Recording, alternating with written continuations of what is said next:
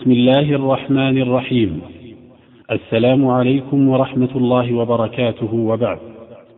فهذا الدرس من إلقاء فضيلة الشيخ سليمان بن ناصر العلوان حفظه الله تعالى.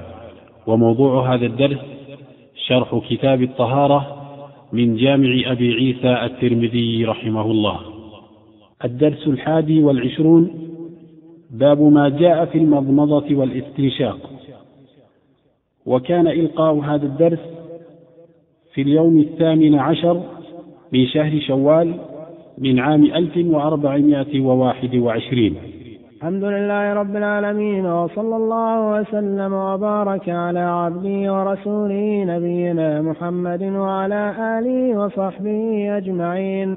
قال الإمام الحافظ أبو عيسى الترمذي رحمه الله تعالى في سننه باب ما جاء في المضمضة والاستنشاق. حدثنا قتيبة قال حدثنا حماد بن زيد وجرير عن منصور عن هلال بن عن هلال بن يساف عن سلمة بن قيس قال قال رسول الله صلى الله عليه وسلم إذا توضأت فانتثر وإذا استجمرت فأوتر. وفي الباب عن عثمان ولقيط بن صبرة وابن عباس والمقدام بن معد كرب ووائل بن حجر وأبي هريرة. قال أبو عيسى حديث سلمة بن قيس حديث حسن صحيح. واختلف أهل العلم في من ترك المضمضة والاستنشاق فقالت طائفة منهم إذا تركهما في الوضوء حتى صلى أعاد الصلاة ورأوا ذلك في الوضوء والجنابة سواء. وبه يقول ابن أبي ليلى وبه يقول ابن أبي ليلى وعبد الله بن المبارك وأحمد وإسحاق وقال أحمد الاستنشاق أوكد من المضمضة وقالت طائفة من أهل العلم يعيد في الجنابة ولا يعيد في الوضوء وهو قول سفيان الثوري وبعض أهل الكوفة. وقالت طائفة لا يعيد في الوضوء ولا في الجنابة لأنهما سنة من النبي صلى الله عليه وسلم فلا تجب الإعادة على من تركهما في الوضوء ولا في الجنابة وهو قول مالك والشافعي. بسم الله الرحمن الرحيم. قال الإمام أبو عيسى الترمذي رحمه الله تعالى باب ما جاء في المضمضة والإستنشاق. أي هذا باب ما جاء في المضمضة والاستنشاق باب خبر لمبتدأ محذوف تقدير هذا باب ما جاء أي من الأحاديث في المضمضة والاستنشاق. المضمضة في اللغة تحريك الماء في الفم. المضمضة في اللغة تحريك الماء في الفم. وفي الشرع إدارة الماء في الفم ثم مجه بنية رفع الحدث أو تجديد الطهارة. والاستنشاق إدخال الماء إدخال الماء إلى الأنف وجذبه ويكون باليد اليمنى. والاستنثار إخراج الماء ويكون باليسرى.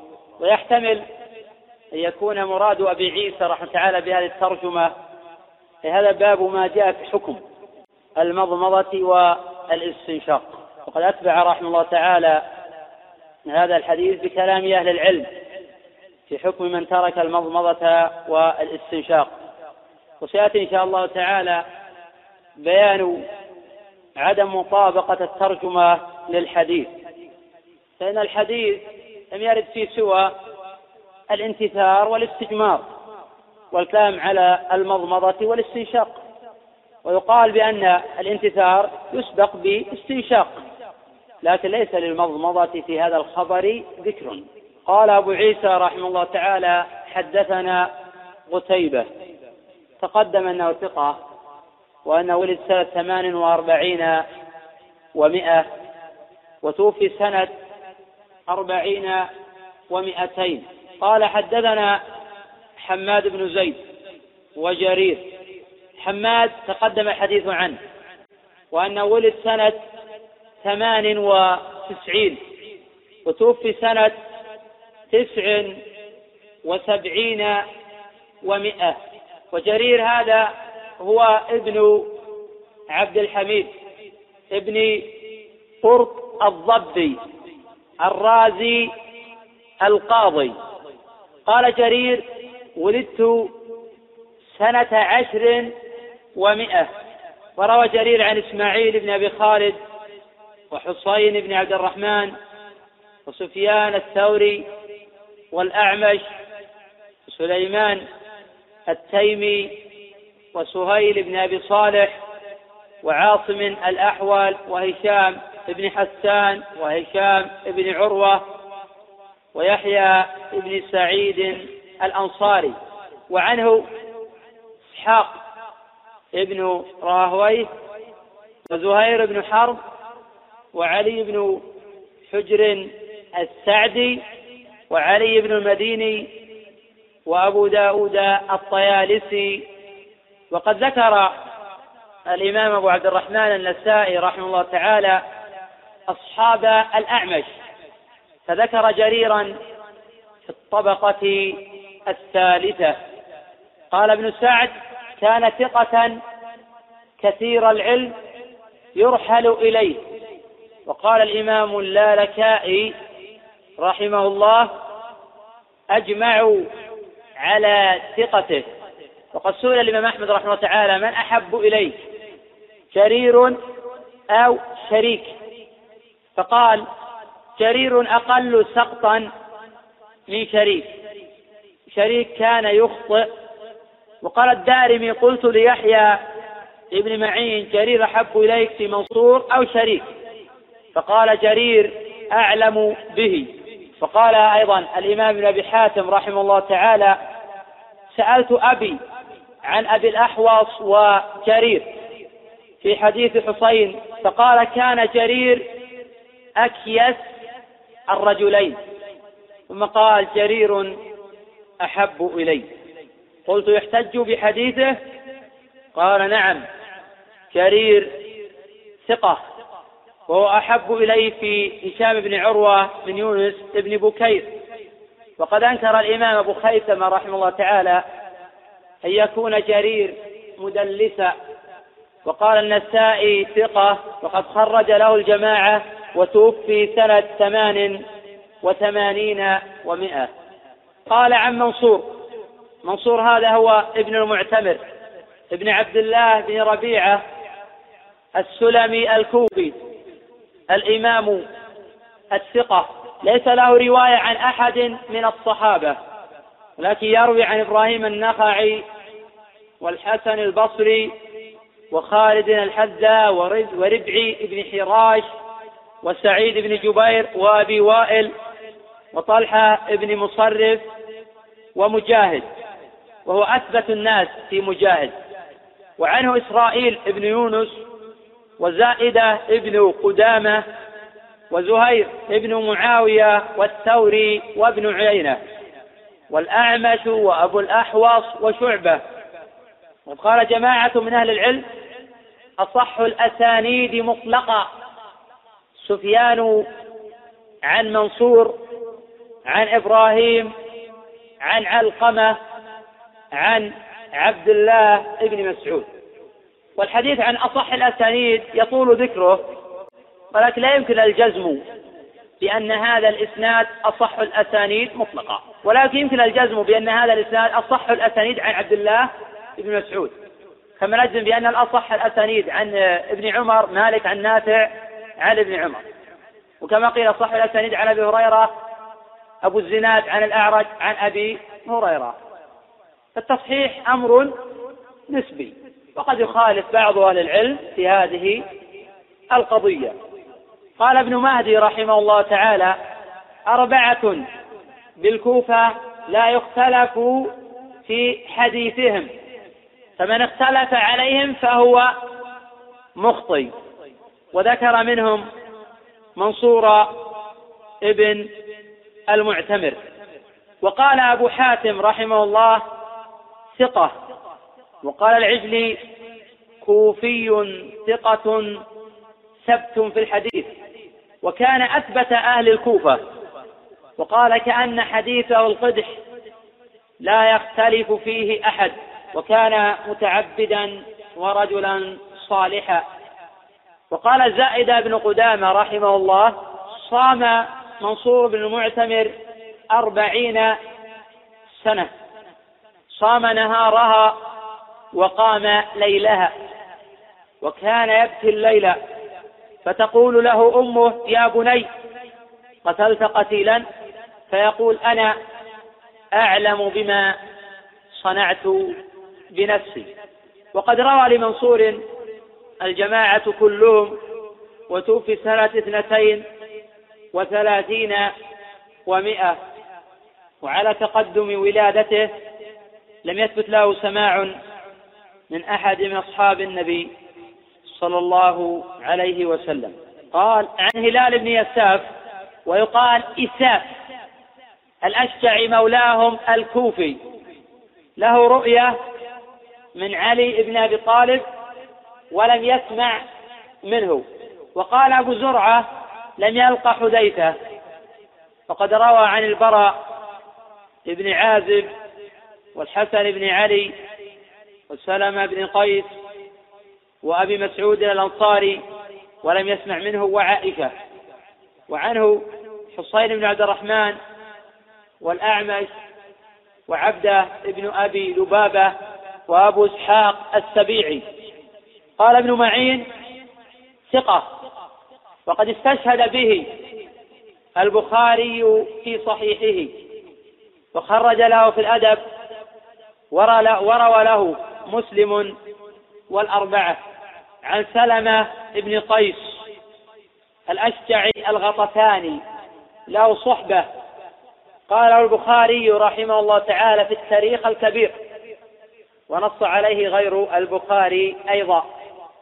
يدل على هذا ما رواه الكسوي رحمه الله تعالى في تاريخه من طريق أبي نعيم عن سفيان عن منصور عن هلال عن سلمة قال قال لي رسول الله صلى الله عليه وسلم إذا توضأت فانتظر.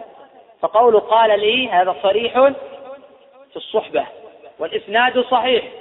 وهذه متابعة لحماد بن زيد وجرير من سفيان في الرواية عن منصور. والحديث رواته ثقات وقد صححه أبو عيسى وقال هذا حديث حسن صحيح وصححه ابن حبان أيضا. ورواه الحميدي والإمام أحمد والنسائي وابن ماجه وغيرهم وإسناده صحيح وفي الباب غيره. كما أشار إلى هذا أبو عيسى. وقد جاء متن الخبر في الصحيحين وغيرهما من حديث أبي هريرة. وسوف أذكر ذلك إن شاء الله تعالى في الكلام على قول أبي عيسى وفي الباب.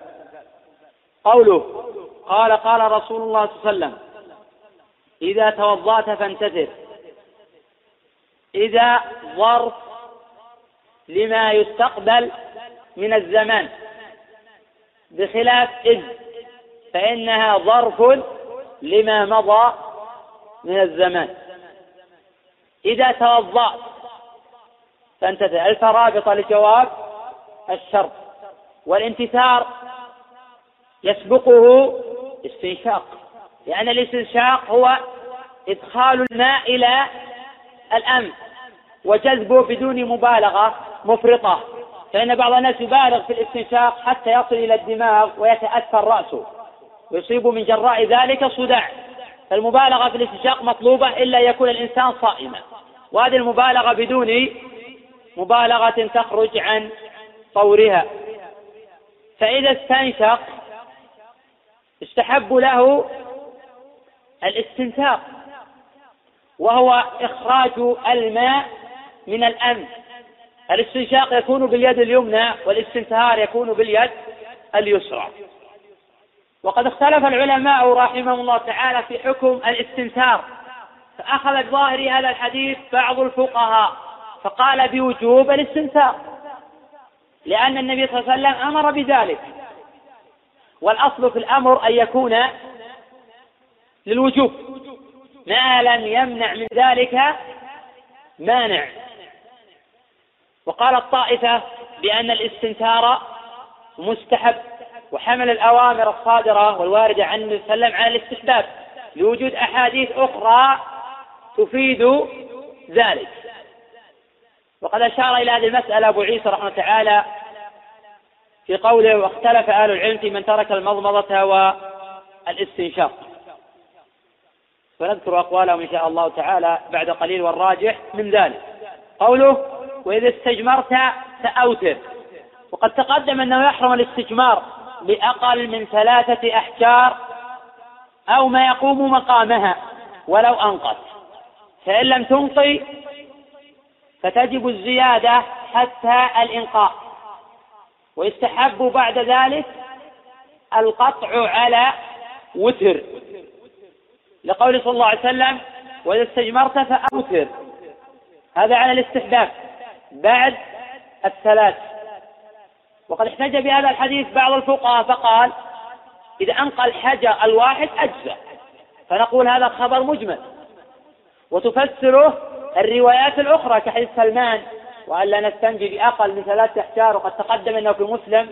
وكما تقدم أيضا بحث هذه المسألة وذكر مذاهب أهل العلم في هذه القضية.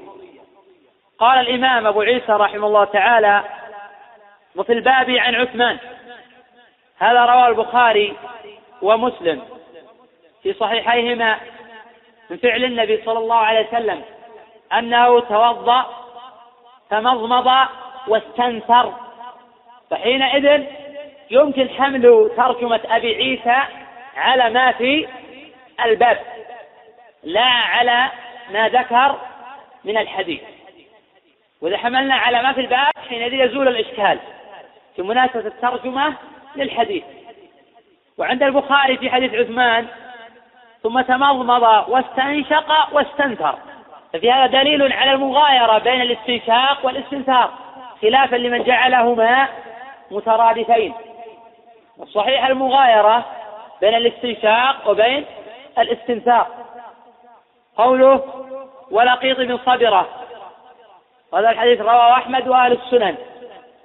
قوله وابن عباس رواه البخاري من فعل النبي صلى الله عليه وسلم أنه تمضمض واستنشق.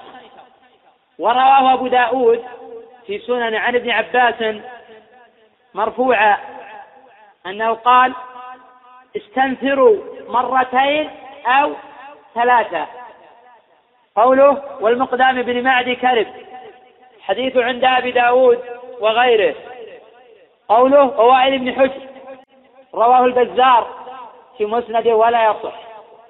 قوله وأبي هريرة وحديث أبي هريرة بنحو حديث الباب.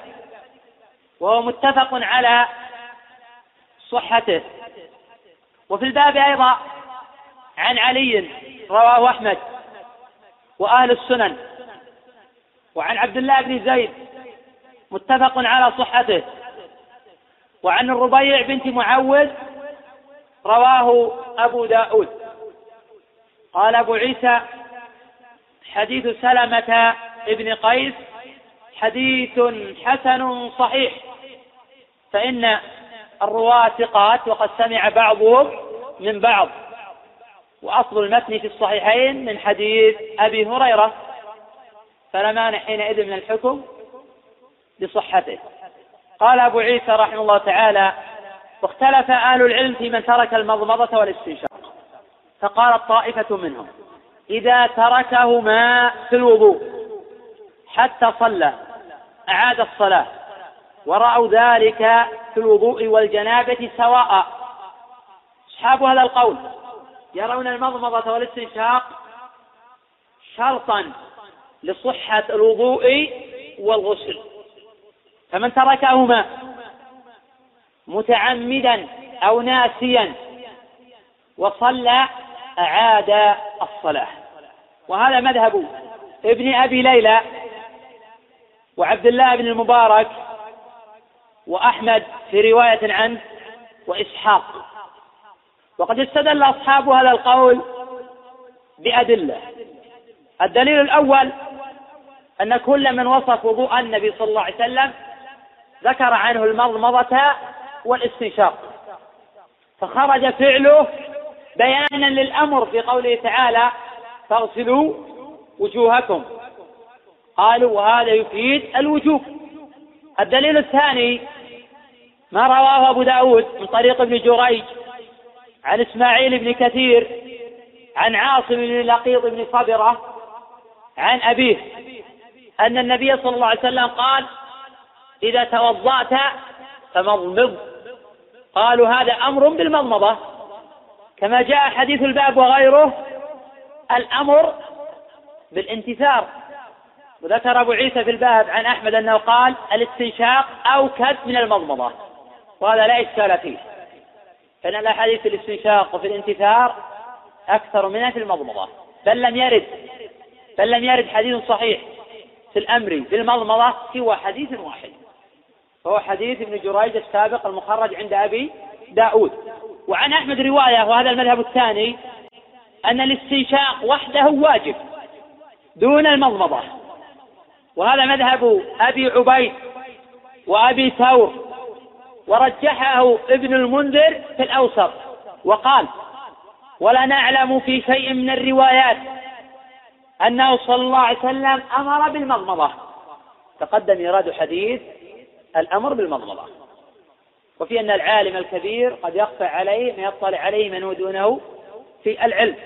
وقال الإمام ابن حزم رحمه الله تعالى في المحلى وليست المضمضة فرضا وإن تركها فوضوءه تام وصلاته تامة.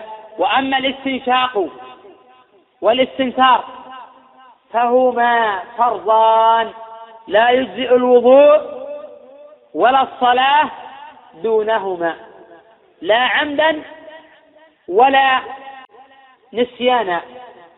وقال وأما المضمضة فلم يصح بها عن رسول الله صلى الله عليه وسلم أمر وإنما هي فعل فعله عليه السلام. وقد قدمنا أن أفعاله هذا من كلام ابن حزم ليست فرضا فهذان إمامان. الإمام ابن المنذر والإمام ابن حزم. ينكران أن يوجد حديث صحيح عن رسول الله صلى الله عليه وسلم في الأمر بالمضمضة. المذهب الثالث في المسألة. قدم عندنا الآن مذهبان. المذهب الثالث. وإليه أشار أبو عيسى بقوله وقالت طائفة من أهل العلم يعيد في الجنابة ولا يعيد في الوضوء. وهذا عام في المضمضة والاستنشاق. وهذا قول سفيان الثوري وبعض أهل الكوفة. وهو مروي أيضا عن الحسن البصري وأصحاب الرأي. وقالوا هما أي الجنابة والوضوء سواء في القياس. لأنه لا فرق بين هذا ولا هذا. غير أن ندع القياس أي هنا تركوا القياس لقول ابن عباس إذا صلى صلى الرجل فنسي.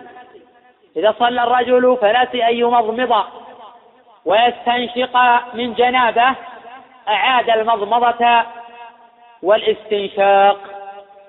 وهذا الخبر لا يصح عن ابن عباس. وقد ذكره ابن المنذر في الأوسط وقال وهذا غير ثابت. القول الرابع قال الطائفة لا يعيد في الوضوء ولا في الجنابة لأنهما السنة من النبي صلى الله عليه وسلم.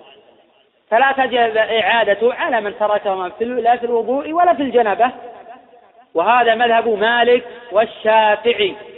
وقد احتج الشافعي رحمه الله بعدم الوجوب بقوله لا نعلم خلافا لأن تاركهما لا يعيد ولكن تقدم النقل عن ابن أبي ليلى وابن المبارك وإسحاق وأحمد. أنه يعيد. واحتج أيضا الشافعي هو وغيره بقوله صلى الله عليه وسلم للاعرابي توضأ كما أمرك الله. رواه أبو داود والترمذي. فأحاله صلى الله عليه وسلم على الآية وليس فيها المضمضة ولا الاستنشاق. والأصل في الأعرابي أنه جاهل ولا يمكن أن يقال. أحاله على الآية ويأخذ التفصيل من السنة. لأنه لو كان يعرف التفصيل من السنة ما احتاج إلى سؤال. فحين أحال صلى الله عليه وسلم على الآية أراد أن يقتصر على الواجب. ويمكن الاحتجاج أيضا على عدم وجوب المضمضة والاستنشاق فيما رواه أبو داود وغيره من طريق موسى ابن أبي عائشة عن عمرو بن شعيب عن أبي عن جده. أن رجلا أتى النبي صلى الله عليه وسلم. فقال يا رسول الله كيف الطهور فدعا بماء في إناء فغسل كفيه ثلاثة ثم غسل وجهه ثلاثة وذكر تتمة الوضوء ولم يذكر مضمضة ولا استنشاقا فعلم من هذا الحديث وما قبله أن الأمر بالمضمضة في حديث لقيط والأمر بالاستنشاق والاستنثار في أحاديث كثيرة على الاستحباب لا على الإيجاب.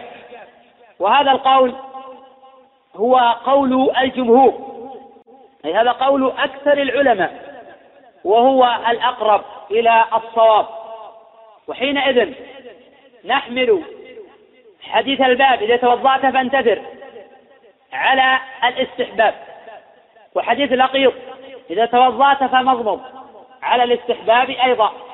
وقول من قال إن كل من وصف وضوء النبي صلى الله عليه وسلم ذكر عن المضمضة والاستنشاق في نظر. فقد أوردت الحديث السابق ممن وصف وضوء النبي صلى الله عليه وسلم ولم يذكر لا مضمضة ولا استنشاقا.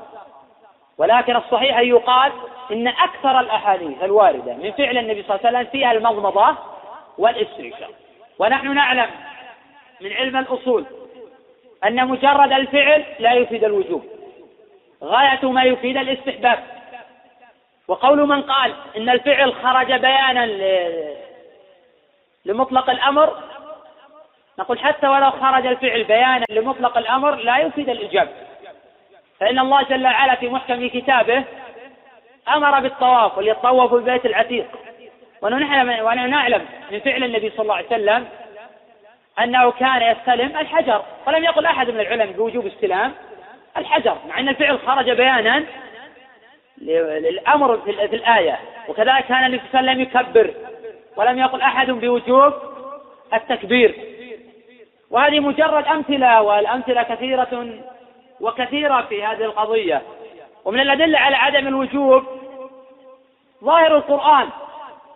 فإن الله جل وعلا ذكر فروض الوضوء.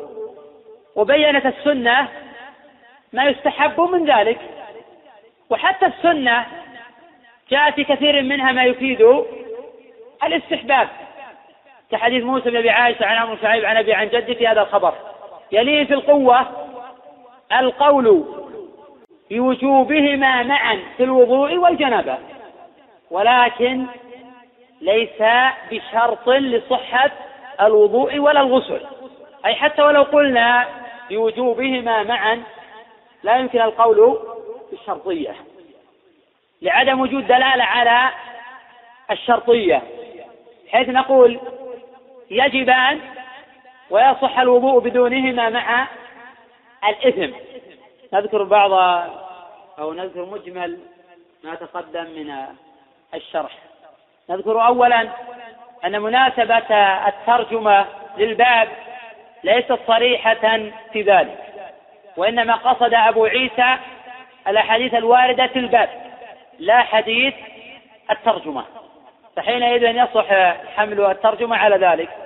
ثانيا الأمر بالانتثار. والأصل في الأمر الوجوب كما سبق مرارا.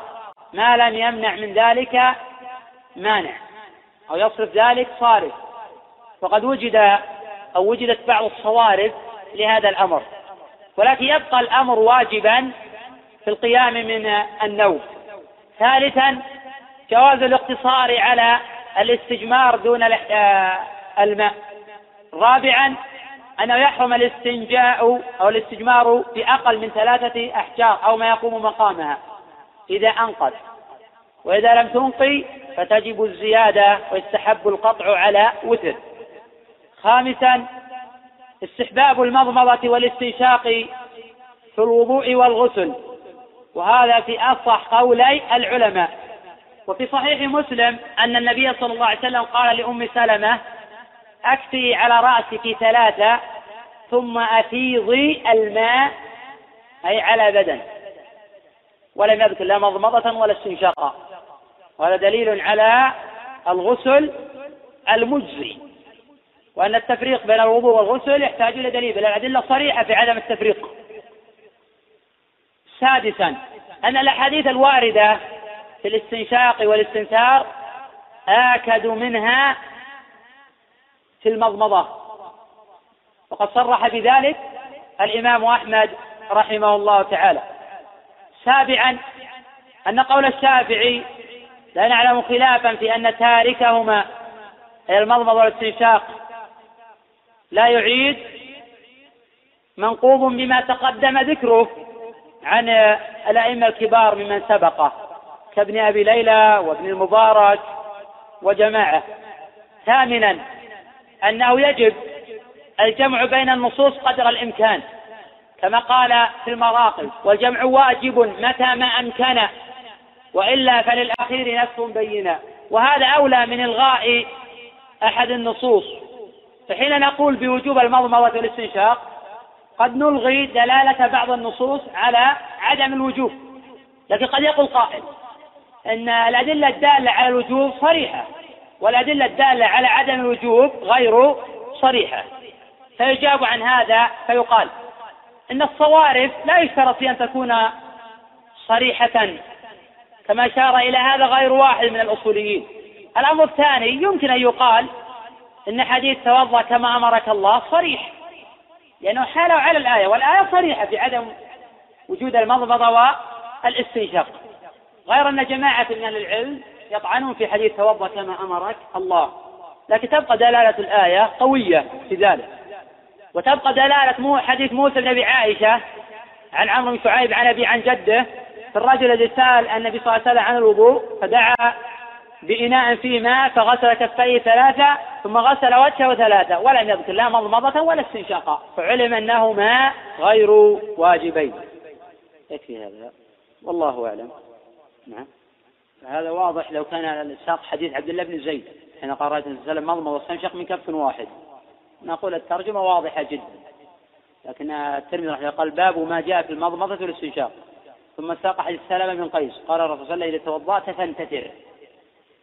وإذا استجمرت فأوتر ولا سيما ونحن نعلم أن جماعة من العلماء يقولون إن الاستنشاق وحده واجب دون المضمضة كما قاله آه، أحمد وأبو عبيد وأبو ثور ورجحه ابن المنذر وابن حزم وجماعة كلهم قالوا بهذا القول.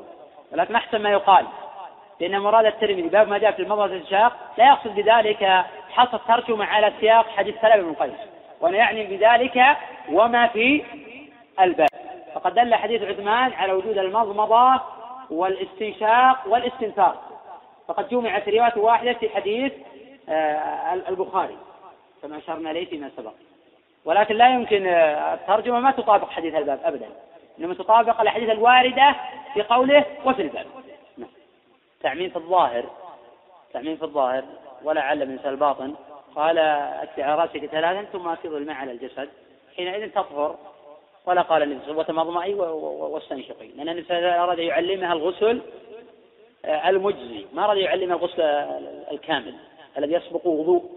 هنا علم الإنسان الغسل المجزي. ضعيف حديث من ترك موضوع شعر الجنابة. ورواه أبو داود في إرسال وقد علّ الدرقطني بإرسال. وعلى فرض صحته هذا بالنسبة للظاهر يتعلق الحكم بالشعر لا يتعلق الحكم بوجوب المضمضة والاستنشاق وهو فرض الصحة وأن يتعلق الحكم بالمضمضة والاستنشاق يبقى الحكم في الشعر الذي داخل الأنف لا الذي داخل الفم. فيكون واجبا أو يكون الحديث دالا على وجوب الاستنشاق لا المضمضة مع أنه ما يمكن تحتاج به. أولا حديث مرسل ثانيا لو فرضنا صحته في الشعر الظاهر. قول الشافعي لا يعلم خلافا من ثالث ومراعي منقوب. الشافعي الله قال لا نعلم. نعم. فيكون كلامنا نحن إنما فقط إننا علمنا. ليس أن كلامه منقوض لأنه ما نفع علما. وما نفع العلم. قال لا نعلم. إذا قد يعتمد أحد على اجماع الشافعي. هذا ننبه. أن الشافعي اعتمد على ما أتاه الله من العلم. أنه قال لا نعلم. في من اطلع على أن هناك مخالف. أن هناك مخالفة كما نقل ذلك ابن المنذر في الأوسط. ونقله أصحاب الإمام الشافعي رحمه الله تعالى. وأن المسألة خلافية.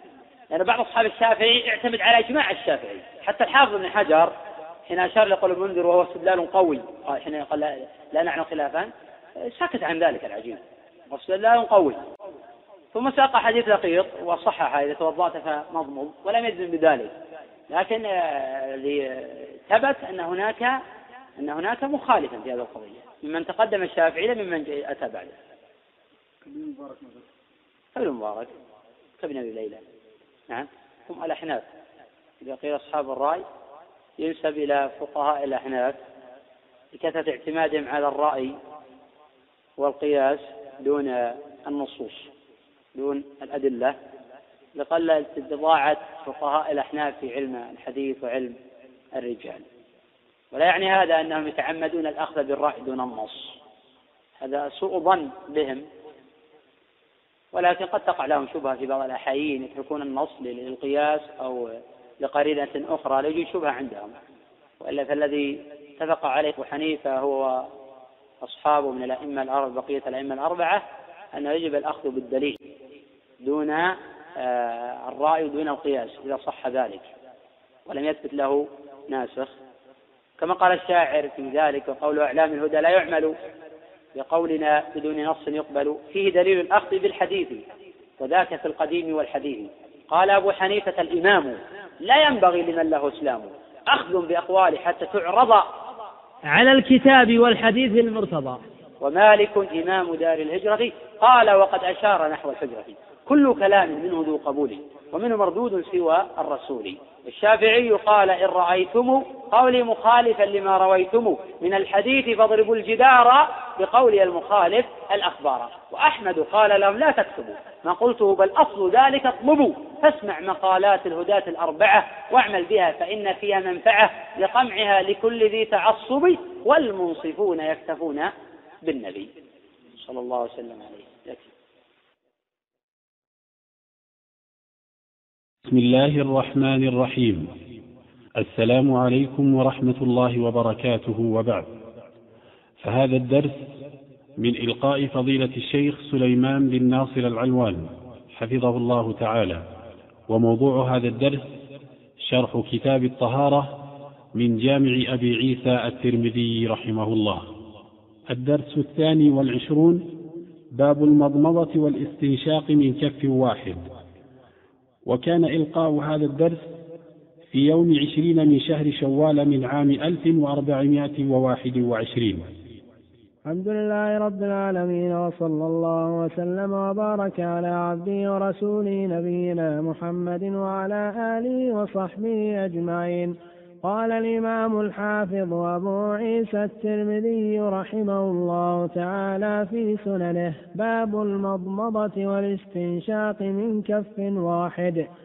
حدثنا يحيى بن موسى قال حدثنا إبراهيم بن موسى قال حدثنا خالد بن عبد الله عن عمرو بن يحيى عن أبيه عن عبد الله بن زيد قال رأيت النبي صلى الله عليه وسلم مضمض واستنشق من كف واحد فعل ذلك ثلاثا. وفي الباب عن عبد الله بن عباس وحديث عبد الله بن زيد حسن غريب. وقد روى مالك وابن عيينة وغير واحد من هذا الحديث عن عمرو بن يحيى ولم يذكروا هذا الحرف. أن النبي صلى الله عليه وسلم مضمض واستنشق من كف واحد وإنما ذكره خالد بن عبد الله وخالد ثقة حافظ عند أهل الحديث. وقال بعض أهل العلم المضمضة والاستنشاق من كف واحد يجزئ وقال بعضهم يفرقهما أحب إلينا. وقال الشافعي إن جمعهما في كف واحد فهو جائز وإن فرقهما فهو أحب إلينا. بسم الله الرحمن الرحيم. قال الإمام أبو عيسى الترمذي رحمه الله تعالى باب المضمضة والاستنشاق من كف واحد. باب أي هذا باب خبر لمبتدأ محذوف وباب مضاف والمضمضة الخط مضاف إليه. تقدم حكم المضمضة والاستنشاق وما فيهما من الخلاف. وتقدم تقوية القول بأنهما سنة مؤكدة. والإمام أبو عيسى رحمه الله تعالى حين ذكر الباب المتعلق في حكم المضمضة والاستنشاق شرع في ذكر المضمضة والاستنشاق من كف واحد. والسنية في المضمضة والاستنشاق الوصل بينهما. فيأخذ غرفة نصفها لفمه والآخر لأنفه. هذا الصحيح من أقاويل أهل العلم. وهو أحد القولين عن الشافعي وبه قال أحمد واختاره غير واحد من المحققين. وسيأتي إن شاء الله ما في ذلك من الخلاف. قال أبو عيسى رحمه الله تعالى حدثنا يحيى ابن موسى ابن عبد ربه ابن سالم الحداني أبو زكريا البلخي. روى عن أنس بن عياض الليثي وحبان بن هلال وحماد بن أسامة وروح بن عبادة وسعيد بن منصور وابن عيينة وسليمان بن حرب وشبابة بن سوار ويزيد بن هارون وأبي داود الطيالسي وأبي عامر العقدي وأبي معاوية الضرير. وعنه البخاري وأبو داود والترمذي كما هنا وفي مواضع كثيرة والنسائي. وقد وثقه أبو زرعة والنسائي والدار قطني. وقد قال الإمام البخاري رحمه تعالى مات سنة أربعين ومئتين وقيل سنة إحدى وأربعين.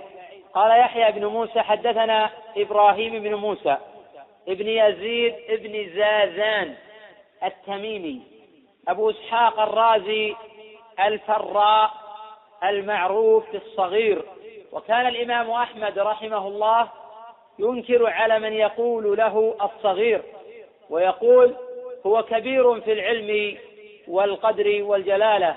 وقد روى إبراهيم عن بقية بن الوليد وجرير بن عبد الحميد وعبد الأعلى بن عبد الأعلى وعبد الرزاق بن همام وعبده بن سليمان الكلابي ووكيع بن الجراح والوليد بن مسلم ويحيى بن زكريا بن أبي زائدة.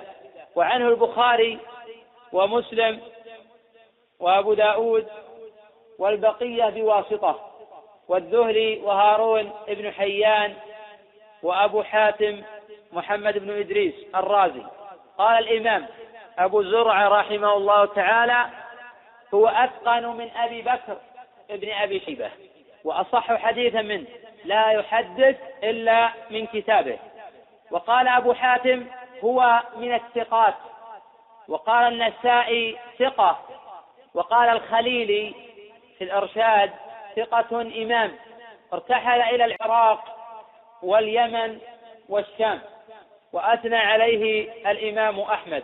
وقال الآجري سمعت أبا داود يقول كان عند إبراهيم بن موسى حديث بخط ابن إدريس فحدث به فأنكروه عليه فتركه. وقد علق الحافظ ابن حجر في تهذيب التهذيب على هذه الحكاية فقال وهذا يدل على شدة توقيه.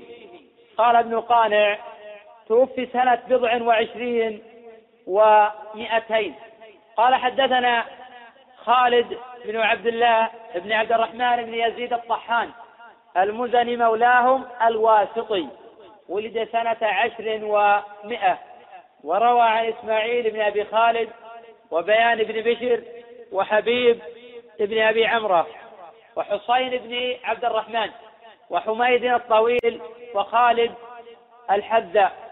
وسعيد بن أبي عروبة وسليمان التيمي وعبد الملك بن أبي سليمان. وعنه زيد بن الحباب وسعيد بن منصور وعبد الرحمن بن مهدي وعمر بن عون الواسطي وأبو كامل الجحدري وقتيبة بن سعيد. ومسدد بن مسرهد ووكيع بن الجراح ووهب بن بقية ويحيى بن سعيد القطان.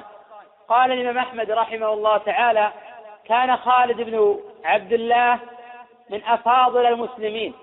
اشترى نفسه من الله أربع مرات فتصدق بوزنه فتصدق بوزن نفسه فضة أربع مرات. وقال أبو زرع وأبو حاتم والنسائي ثقة. وقال إسحاق بن الأزرق ما أدركت أفضل من خالد الطحان. قيل قد رأيت سفيان. قال كان سفيان رجل نفسه وكان خالد رجل عامة. قال يعقوب ابن سفيان توفي سنة تسع وسبعين ومائة وقال خليفة الخياط مات سنة اثنتين وثمانين ومائة عن عمرو بن يحيى بن عمارة بن أبي حسن. الأنصاري المازني المدني.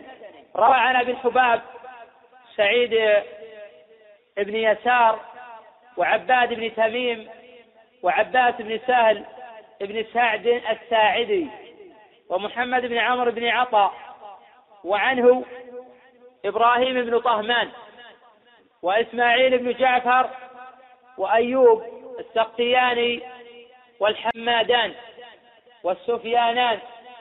وسليمان الأعمش وشعبة والحمادان والسفيانان وسليمان عفوا بن بلال وشعبة. قال الإمام أبو حاتم رحمه الله تعالى ثقة وقال ابن معين صويلح وليس بالقوي وعنه قال ضعيف الحديث. وقال الترمذي ثقة قال الإمام ابن عدي رحمه الله تعالى مبينا حاله ودرجته.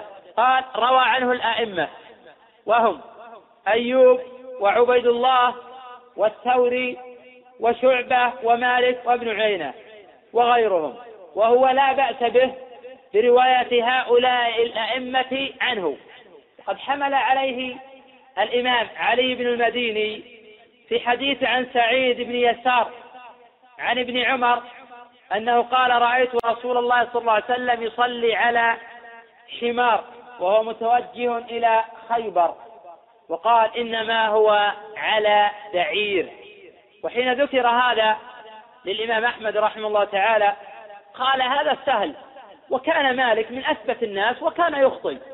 وقد روى لعمر جماعة الجماعة وقال عنه ابن حجر رحمه الله تعالى في التقريب ثقة من السادسة مات بعد الثلاثين. عن أبيه يحيى بن عمارة بن أبي حسن الأنصاري روى عن أنس وأبي سعيد الخدري وعنه عمارة بن غزية والزهري ومحمد بن يحيى بن حبان. قال محمد بن إسحاق كان ثقة ووثقه النسائي وابن خراش وقال ابن حجر في التقريب ثقة من الثالثة وقد خرج له الجماعة. عن عبد الله بن زيد الصحابي المشهور وهو عبد الله بن زيد بن عاصم بن كعب الأنصاري المازني المدني وهو أخو حبيب بن زيد الذي قطعه مسيلمة الكذاب. وقد ذكر الواقد المؤرخ المشهور أن عبد الله بن زيد هذا هو الذي قتل مسيلمة بينما قال وحشي بن حرب بأنه هو الذي رماه بحربته وشد عليه رجل من الأنصار بالسيف. فربك أعلم أينا قتله. إلا أني سمعت جارية من الحصن تقول قتله العبد الحبشي. وقد ذكر ابن عيينة الإمام المشهور أن عبد الله بن زيد هذا هو الذي أري الندى. وهذا معدود في أوهام الإمام ابن عيينة رحمه الله. فذاك آخر وليس هو بالأنصاري المازني الذي روى حديث صفة وضوء النبي صلى الله عليه وسلم. وقد خرج له الجماعة وقتل بالحرة وكانت آخر ذي الحجة سنة ثلاث وستين وهو ابن سبعين سنة. قال عبد الله بن زيد رأيت النبي صلى الله عليه وسلم مضمض واستنشق من كف واحد. في حرص الصحابة على نقل أفعاله صلى الله عليه وسلم. حيث نقل لنا عبد الله بن زيد صفة وضوء النبي صلى الله عليه وسلم وقوله مضمض واستنشق في تقديم المضمضة على الاستنشاق. وهذا متفق عليه بين أهل العلم. وهل هو للإيجاب أم للاستحباب؟ أي وهل تقديم المضمضة على الاستنشاق للإيجاب أم للاستحباب. قولان للعلماء رحمهم الله. القول الأول أن هذا للإيجاب لاختلاف العضوين. ولأن كل من وصف وضوء النبي صلى الله عليه وسلم ذكر المضمضة ثم الاستنشاق. القول الثاني وهو قول الأكثر أن هذا للاستحباب. فهما كالعضو الواحد كما لو قدم غسل اليد اليسرى على اليمنى. وقد نقل بعض العلماء الإجماع على جواز تقديم اليسرى على اليمنى مع تركه للأفضلية قوله من كف واحد. مضمض واستنشق من كف واحد. هذا دليل على سنية الوصل بين المضمضة والاستنشاق. فيأخذ غرفة واحدة نصفها لفمه والنصف الآخر لأنفه. إذا توضأ مرة مرة اقتصر على هذا. وتوضأ مرتين مرتين أخذ ثانية نصفها لفمه والنصف الآخر لأنفه. إذا أراد يتوضأ ثلاثا ثلاثة أخذ الثاني ففعل كما فعل فيما سبق. وقد اعترض على هذا جماعة من فقهاء الأحناف. فقالوا قوله تمضمض واستنشق من كف واحد محتمل أنه فعل ذلك محتمل أنه فعل ذلك بكف واحد وماء واحد. ومحتمل أنه فعل ذلك من كف واحد بمياه وقيد الواحدة احترازا من التثنية. وقالوا إذا وجد الاحتمال بطل الاستدلال. والصحيح الاحتمال الأول أنه فعل ذلك بكف واحد وماء واحد. والاحتمال الثاني ضعيف. وسيأتي إن شاء الله في حديث ابن عباس ما يؤيد الاحتمال الأول.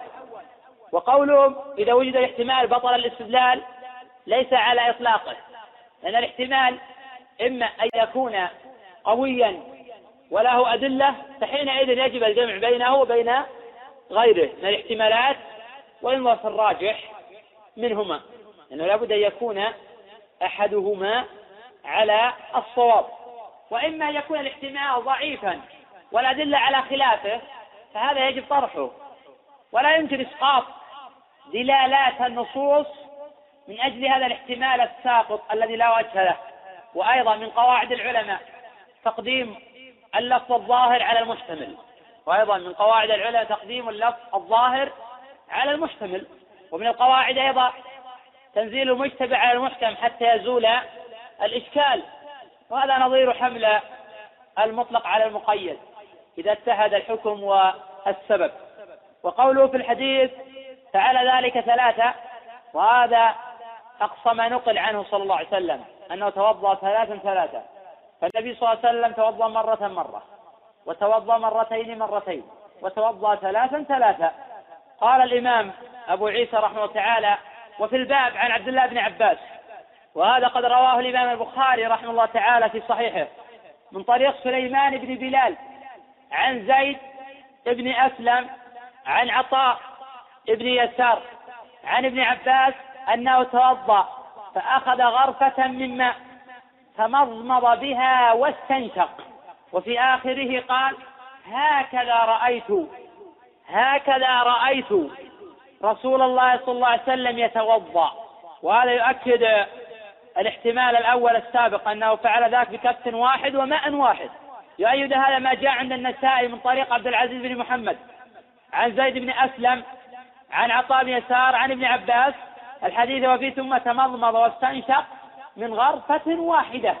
وهذا صريح في الوصل بين المضمضة والاستنشاق. وقد جاء ما هو أصرح من ذلك. فعند ابن حبان في صحيحه قال وجمع بين المضمضة والاستنشاق غير أن هذه الرواية محتملة أنها مروية. بالمعنى. وفي الباب عن علي وفيه ثم تمضمض مع الاستنشاق بماء واحد. رواه بهذا اللفظ الإمام أبو داود رحمه الله تعالى في سننه. غير أنه جاء عن علي رضي الله عنه عند أبي داود وغيره ما قد يوهم ظاهره الفصل. فلهذا يمكن أن نقول إن أحاديث الوصل بين المضمضة والاستنشاق صحيحة صريحة. كحديث عبد الله بن زيد وحديث ابن عباس والرواية الواقعة عند أبي داود من حديث علي. وأحاديث الفصل نوعان. النوع الأول صريح غير أنه ضعيف. كحديث الليث بن أبي سليم عن طلحة بن مصرف عن أبي عن جده قال رأيت النبي صلى الله عليه وسلم يفصل بين المضمضة والاستنشاق. وهذا الحديث ضعيف بالاتفاق وسيأتي إن شاء الله تعالى بيانه. أو أحاديث صحيحة غير صريحة. لا يمكن معارضة الأحاديث الصحيحة كحديث عبد الله بن زيد وابن عباس. قال أبو عيسى رحمه الله تعالى وحديث عبد الله بن زيد حسن غريب.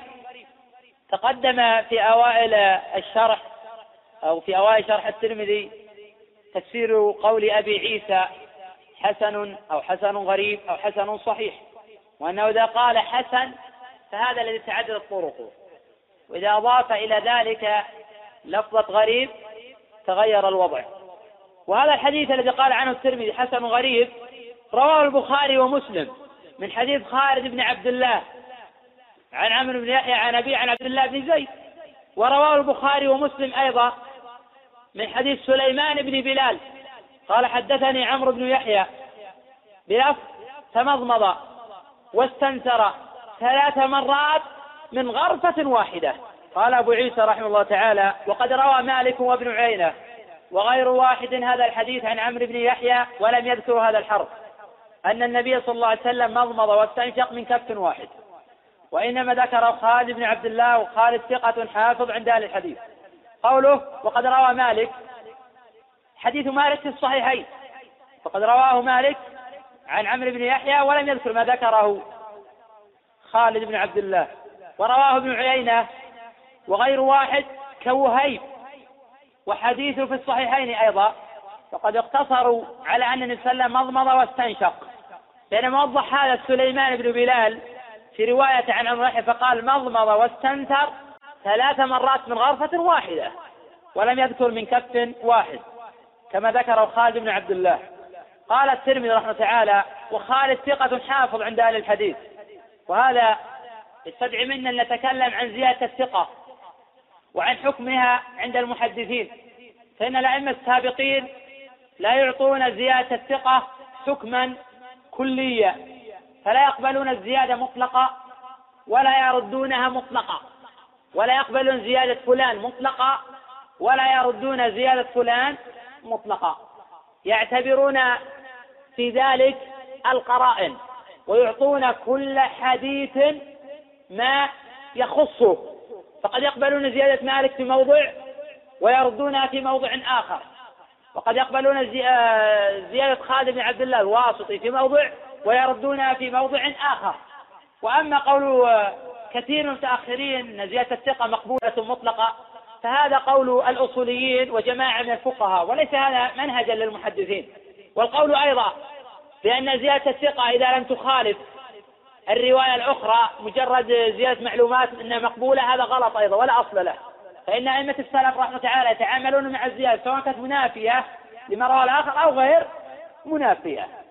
فلهذا لم يتوقف أكابر المحدثين في إعلان أو من إعلان رواية محمد بن عوف عن علي بن عياش عن شعيب بن أبي حمزة عن ابن المنكدر عن جابر بن عبد الله أن النبي صلى الله عليه وسلم قال من قال حين يسمع النداء اللهم رب هذه الدعوة التامة والصلاة القائمة.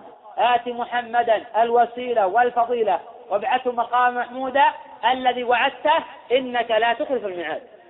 هكذا رواه البياقي رحمه تعالى في السنن الكبرى من طريق محمد بن عوف.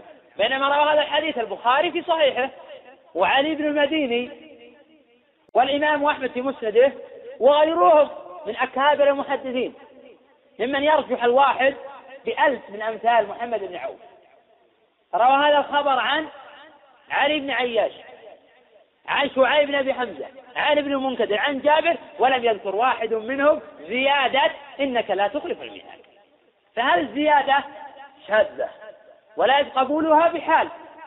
مثال آخر علي الأزدي روى عن ابن عمر أن النبي صلى الله عليه وسلم قال صلاة الليل والنهار مثنى مثنى هكذا رواه أحمد وجماعة من أهل السنن. حينما عل هذا الخبر النسائي. لأنه لم يروي هذه الزيادة عن ابن عمر سوى الأزدي. وهذه الزيادة منكرة.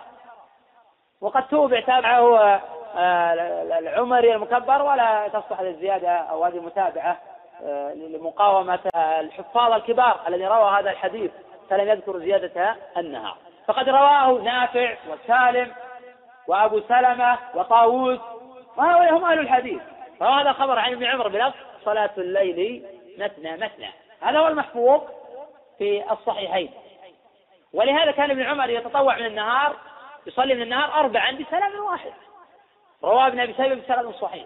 فكانت هذه الزيادة محفوظة. ما تجاوزها ولا ترك الإمام ابن عمر رضي الله عنه. فهذه الزيادة شاذة ولا يمكن قبولها وسواء كانت الزيادة تخالف ما تركه الآخر أو غير مخالفة. ننظر من الذي زادها. هل يمكن قبول زيادته؟ أم يجب رد آه، زيادته. وقد تقدم أن رواية خالد بن عبد الله جاء يؤيدها في حديث ابن عباس في البخاري وعند النسائي وابن حبان. وفي رواية أيضا سليمان بن بلال ما يؤيد المعنى الذي ذكر خالد بن عبد الله في روايته عن عمرو بن آه، يحيى. والمقصود أن نفهم القاعدة. قد نختلف أنا وفلان في التطبيق لكن نتفق على هذه القاعدة. هذا هو المطلوب. ونحن إذا اتفقنا على هذه القاعدة قل ما نختلف. وإن وجد اختلاف فالاختلاف يسير والدليل على هذا أن الخلاف في نعمة السلف في الحكم على الزيادات آه، قليل جدا. بينما يكثر في المتأخرين. ويصححون الزيادات التي عند الطبراني على ما جاء في الصحيحين وعند أصحاب الكتب الغرائب على ما جاء في الصحيحين ويأتون بروايات منكرة معارضة للأحاديث المتواترة بحجة أنها زيادة ثقة وهذا غير معروف عن الأئمة السابقين. فلا يعطون المسألة حكما كليا يعطون كل مسألة ما يخصها من الحكم. الآن شرع الإمام الآن شرع الإمام أبو عيسى رحمه الله تعالى في بيان حكم أو في بيان قويل الأئمة في الوصل والفصل في المضمضة والاستنشاق. قال أبو عيسى رحمه الله تعالى وقال بعض أهل العلم المضمضة والاستنشاق بكف واحد يجزي. أقول بل نقل غير واحد من أهل العلم. أقول بل نقل غير واحد من أهل العلم. الاتفاق على أن اختلاف الأئمة في الوصل والفصل إنما هو في الأفضلية لا في الجواز وعدمه. أعيد هذه الفائدة. بل نقل غير واحد من أهل العلم الاتفاق على أن اختلاف الأئمة في الوصل والفصل إنما هو في الأفضلية لا في الجواز وعدمه. قال أبو عيسى وقال بعضهم يفرقه ما أحب إلينا أن يفصل بين المضمضة والاستنشاق. وهذا أحد القولين عن الشافعي رحمه الله تعالى. وذكر أبو عيسى هنا أيضا عن الشافعي قال إن جمعهما في كف واحد فهو جائز وإن فرقهما فهو أحب إلينا.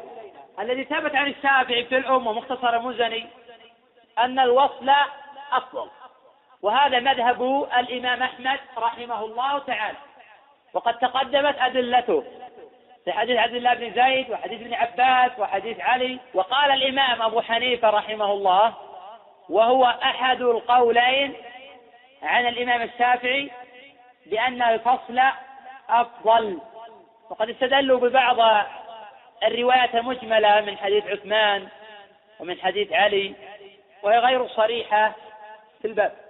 وأصرح حديث احتجوا به هو ما رواه أبو داود رحمه الله تعالى في سننه من طريق الليث بن أبي سليم عن طلحة بن مصرف عن أبيه عن جده.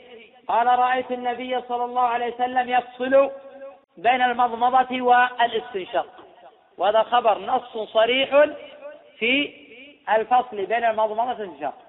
غير أنه لا يمكن الاستناد ولا الاعتماد على هذا الخبر لأنه ضعيف بالاتفاق. لأنه ضعيف بالاتفاق. وإليك العلل. العلة الأولى الليث بن أبي سليم مختلط. العلة الثانية أن هذا الخبر لا يعرف من رواية طلحة بن مصرف عن أبي عن جده. وقد قال غير واحد من أكابر المحدثين إيش طلحة بن مصرف عن أبي عن جده؟ العلة الثالثة فيه جهالة. في نهاية الحديث عن هذا الباب نجمل فوائد حديث الباب.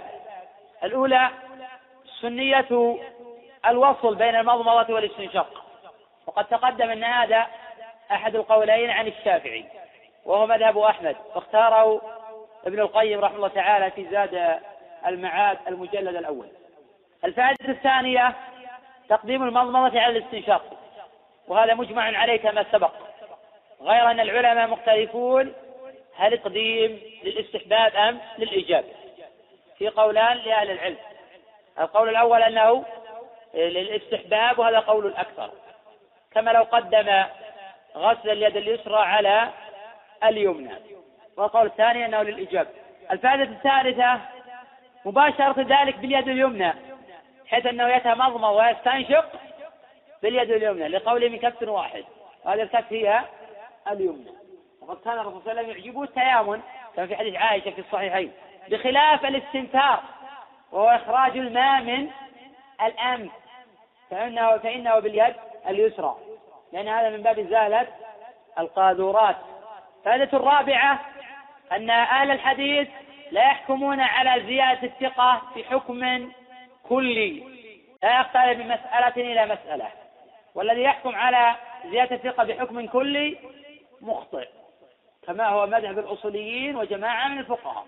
مذهب أكابر المحدثين كأحمد والبخاري وعلي بن مديني ويحيى بن معين ومسلم وأبي داود والترمذي والنسائي والإمام الدار قطني. مذهب هؤلاء الأئمة أنهم يحكمون على كل مسألة بما تستحق وما يخصها سواء كانت الزيادة منافية لما رواه الآخرون أو غير منافية. فإن مجرد التفرج يعتبر زيادة عند الأئمة السابقين. إذا يجب عليك الحكم على كل مسألة بما يخصها. هذا ما يتعلق بالحديث والله أعلم. نعم. قدم أن الراجح السنية أو الأقرب بالصواب سنية المضمضة والاستنشاق في الوضوء والغسل. أن القول الثاني وجوب ذلك في الوضوء والغسل في قول الثالث التفريق بين الوضوء والغسل. وفي مذهب الرابع تقدمت مذاهب أهل العلم أنها أربعة مذاهب. نعم. باب ذات قدرات. نعم. حتى في بعض الروايات اللي عندنا هنا لكن بعض العلم حمل ذلك على الاستنشاق فإنه يتمض ويستنشق باليمنى ثم يستنشق باليسرى. وقد نص على هذه المسألة الإمام مالك رحمه الله تعالى باعتبار أن هذا الأمر من باب إزالة القدرات. بل كره مالك رحمه الله تعالى الاستنثار باليد اليمنى. وتعقبه جماعة من العلم ولم يكرهوا ذلك غير أنهم رأوا أن الأولى يكون باليد اليسرى. في قول أنه الجميع في اليد اليمنى أخذا بظاهر بعض الروايات أنه مضمض واستنشق واستنثر ولا سيما تقدم في رواية سليمان بن بلال. قال فمضمض واستنثر ثلاث مرات من غرفة واحدة. غير أنه هنا لم يذكر من كف واحد كما ذكر خالد بن عبد الله. فيقتضي هذا ترفيح أن الاستنثار يكون باليد اليسرى لأنه من باب إزالة القدرات. والله بالنسبة لقوله من كف واحد لم يذكر ذلك مالك ولا ذكره أيضا ابن عينة ولا ذكره وهيب. فالقول بشذوذ لفظة من كف واحد قول قوي جدا. ولكننا نقبل روايات الآخرين. كما تقدم في رواية ابن عباس يقول فأخذ غرفة من ماء فمضمض بها واستنشق.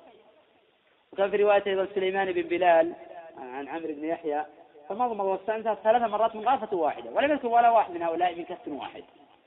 فالقول بشذوذ رواية خالد بن عبد الله قول قوي فإن كابر الحفاظ كمالك ووهيب وابن عيينة لم يذكروا ما ذكر خالد وإن كان ثقة. الله لكن لما قال لما كان في حديث ابن عباس ولما كان في لغة آخر لحديث عبد الله نعم. بن زيد أن أنه فعل هذه هذين الفعلين بغرفة واحدة فلا يستلزم ذلك في رواية خالد بن عبد الله فتكون غير شاذة من ناحية المعنى وإن كانت لا المعنى. آه، أنا أكرر دائما وأقول أن هناك فرقا بين التحقيق الفقهي وبين التحقيق الحديثي حين نرد الرواية من حيث اللفظ إنما هذا من باب ضبط الألفاظ الثابتة عن النبي صلى الله عليه وسلم.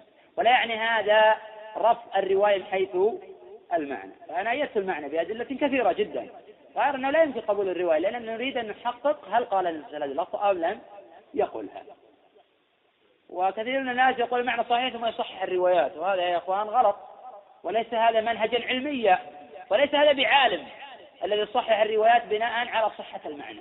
أنت تريد أن تنسب إلى النبي صلى الله عليه وسلم. فقد نأتي إلى أحاديث فنركبها وألفاظها منكرة باعتبار أن المعنى صحيح فنقول صحيحة لأنه قد يأتي بعض الأحيان حديث موضوع والمعنى صحيح. وهو حديث موضوع. فيجب علينا إذا أردنا ننسب شيء للنبي صلى الله عليه وسلم أن نحقق وأن نعرف هل قاله أو لم يقله. ثم بعد نأتي إلى المعنى.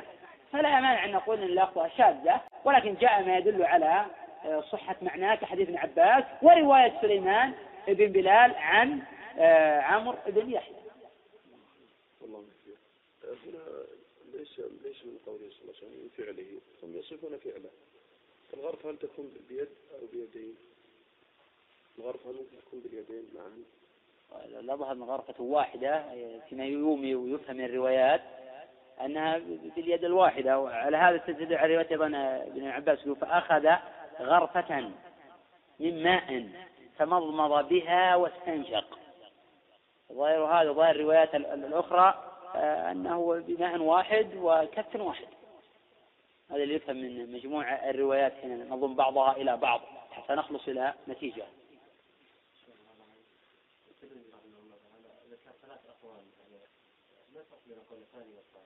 أي مسألة؟ في الوصل والفصل. والترمذي رحمه الله تعالى قال مضمض واستنشاق وقال بعض أهل العلم المضمض والاستنشاق من كف واحد يجزي. كان أشار هذه الرواية قيل يجزي أنه يفهم أن هناك من يقول لا, لا يجزي. أنا شاطئ لأنه قد نقل غير واحد من الاتفاق على أن اختلاف الأئمة في الوصل والفصل إنما في الأفضلية لا في الجواز وعدمه. صحيح في هذه المسألة آه أن هناك قولين. ترجيح الفصل على الوصل وقد ترجيح الوصل على الفصل. يفهم من كلام الترمذي حين قال وقال بعض العلماء ثم قال وقال موضع وقال بعضهم يفرقهما أحب إلينا. أن هناك قولين والقول الثالث على كلامك تقول وقال الشافعي. حقيقة أنه يرجع لما قبله لما قال يفرقهما أحب إلينا قال الشافعي إن جمعهم في كف واحد فهو جائز على القول الأول. ظاهر. وإن فرقا فهو أحب إلينا على القول اللي قال وقال بعضهم يفرقهما أحب إلينا. لكن الذي أوهم في كلام عيسى هو قوله من كف واحد يجزئ فأوهم كلامه إيهاما آخر ولكن يرجع إلى الأصل الذي قرره إيه نعم.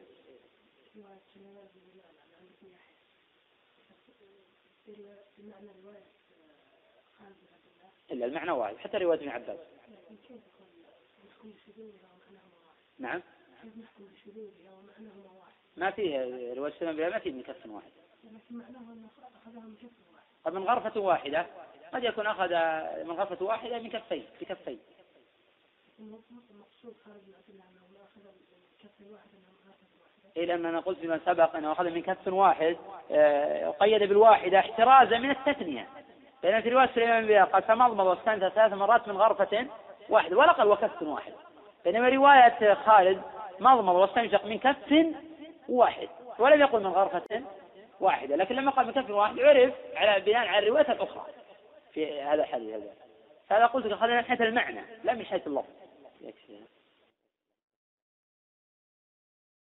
بسم الله الرحمن الرحيم. السلام عليكم ورحمة الله وبركاته وبعد. فهذا الدرس من إلقاء فضيلة الشيخ سليمان بن ناصر العلوان حفظه الله تعالى. وموضوع هذا الدرس شرح كتاب الطهارة من جامع أبي عيسى الترمذي رحمه الله. الدرس الثالث والعشرون باب ما جاء في تخليل اللحية. وكان إلقاء هذا الدرس في اليوم الثاني والعشرين من شهر شوال من عام ألف وأربعمائة وواحد وعشرين. الحمد لله رب العالمين وصلى الله وسلم وبارك على عبده ورسوله نبينا محمد. وعلى آله وصحبه أجمعين. قال الإمام الحافظ أبو عيسى الترمذي رحمه الله تعالى في سننه باب ما جاء في تخليل اللحية. حدثنا ابن أبي عمر قال حدثنا سفيان بن عيينة عن عبد الكريم بن أبي المخارق عن أبي أمية عن حسان بن بلال قال رأيت عمار بن ياسر توضأ فخلل لحيته فقيل له أو قال فقلت له أتخلل لحيتك؟ قال وما يمنعني ولقد رأيت رسول الله صلى الله عليه وسلم يخلل لحيته. حدانا ابن أبي عمر قال حدانا سفيان بن عيينة عن سعيد بن أبي عروبة عن قتادة عن حسان بن بلال عن عمار عن النبي صلى الله عليه وسلم مثله. وفي الباب عن عثمان وعائشة وأم سلمة وأنس وابن أبي أوفى وأبي أيوب. وسمعت إسحاق بن منصور يقول قال أحمد بن حنبل قال ابن عيينة لم يسمع عبد الكريم من حسان بن بلال حديث التخليل. وقال محمد بن إسماعيل أصح شيء في هذا الباب حديث عامر بن شقيق عن أبي وائل عن عثمان. وقال بهذا أكثر أهل العلم من أصحاب النبي صلى الله عليه وسلم ومن بعدهم رأوا تخليل اللحية وبه يقول الشافعي وقال أحمد إن سهى عن تخليل اللحية فهو جائز وقال إسحاق إن تركه ناسيا أو متأولا أجزاءه وإن تركه عامدا أعاد حدانا يحيى بن موسى قال حدانا عبد الرزاق عن إسرائيل عن عامر بن شقيق عن أبي وائل عن عثمان بن عفان أن النبي صلى الله عليه وسلم كان يخلل لحيته. قال أبو عيسى هذا حديث حسن صحيح. بسم الله الرحمن الرحيم. قال الإمام أبو عيسى رحمه الله تعالى باب ما جاء في تخليل اللحية. أي هذا باب ما جاء من الأحاديث في تخليل اللحية. التخليل هو أن يأخذ ماء أو يأخذ كفا أو غرفة من ماء يخلل لحيته بالأصابع من أسفل كالمشط. واللحية الجمع لحى بالكسر. ولحى بالضم. قال الزبيدي اللحية شعر الخدين والذقن اللحية شعر الخدين والذقن وقال ابن حجر اللحية اسم لما نبت على الخدين والذقن فإذا كانت اللحية خفيفة تصف البشرة فيجب غسلها وما تحتها. وإذا كانت اللحية كثيفة لا تصف البشرة لم يجب غسل ما تحتها. وهذا في الوضوء دون الغسل. ويغسل حينئذ ظاهرها تبعا لغسل الوجه ويخللها لثبوت ذلك عن جمع من أصحاب النبي صلى الله عليه وسلم. والمرفوع مختلف في صحته كما سنعرف ذلك فيما بعد إن شاء الله تعالى. قال الإمام أبو عيسى رحمه الله تعالى حدثنا ابن أبي عمر وقد تقدم الحديث عنه في الحديث الخامس عشر وهو صدوق وقد قيل إنه حج سبعا وسبعين حجة. وقد توفي سنة ثلاث وأربعين ومئتين. قال حدثنا سفيان بن عيينة وقد تقدم الحديث عنه وقد ولد سنة سبع ومئة ولد سنة سبع ومئة وتوفي سنة ثمان وتسعين ومئة. عن عبد الكريم ابن أبي المخارق وهو أبو أمية البصري. روى عن طاووس ابن كيسان والشعبي وعكرمة مولى ابن عباس ونافع مولى ابن عمر وأبي الزبير المكي وغيرهم. وعنه إسرائيل بن يونس وإسماعيل بن مسلم المكي وسفيان الثوري. وابن عيينة وشريك النخعي وعطاء ابن أبي رباح وهو من شيوخه وابن إسحاق ومالك بن أنس. قال معمر ما رأيت أيوب اغتاب أحدا قط إلا عبد الكريم يعني أبا أمية. فإنه ذكر فقال رحمه الله كان غير ثقة. لقد سألني عن حديث لعكرمة ثم قال سمعت عكرمة. وقال الإمام أبو عيسى الترمذي رحمه الله تعالى ضعيف عند أهل الحديث وضعفه ابن معين والفسوي والنسائي. وقال الإمام ابن عبد البر رحمه الله تعالى مجمع على ضعفه. قال ابن حبان رحمه الله تعالى مات سنة سبع وعشرين ومائة وكان فقيها يقول بالإرجاء. وكان كثير الوهم فاحش الخطأ فيما يروي. فلما كثر ذلك في رواياته بطل الاحتجاج بأخباره. وقد استشهد به الإمام البخاري رحمه الله وروى عنه مسلم في المتابعات والنسائي وابن ماجه وخرج له الترمذي في جامعه ثلاثة أحاديث وضعفها كلها. وقد تكلم الأئمة رحمه الله تعالى عن تخريج الإمام مالك لعبد الكريم. فإن مالكا رحمه الله تعالى لا يخرج إلا عن ثقة ولا يروي إلا عن كبير في العلم عظيم القدر حافظ لما يسمع. فكيف حينئذ يخرج لأمثال عبد الكريم؟ فقيل إن مالك رحمه الله تعالى قد اغتر بعبادته فخرج له من هذا الباب. على أن مالك رحمه الله تعالى لم يخرج له كبير شيء. وتخريج العالم عن الراوي الضعيف لا يعني توثيقه. فلا يزال أكابر الحفاظ يروون عن الضعفاء. فهذا أمير المؤمنين في حديث شعبة يروي عن عاصم بن عبيد الله. وعاصم متفق على ضعفه. حتى قال عنه شعبة لو سألته من بنى مسجد البصرة لقال حدثنا فلان عن فلان عن النبي صلى الله عليه وسلم أنه بناه. ومع ذلك يروي عن عاصم بن عبد الله. قال عبد الكريم عن حسان بن بلال المزني البصري. وقد روى عن حكيم بن حزام وعمار بن ياسر رياسر ورجل من أسلم له صحبة. وعنه أبو قلابة الجرمي وقتادة ومطر الوراق ويحيى ابن أبي كثير. قال ابن المديني ثقة. وتكلم فيه البخاري. جهله أبو محمد بن حزم.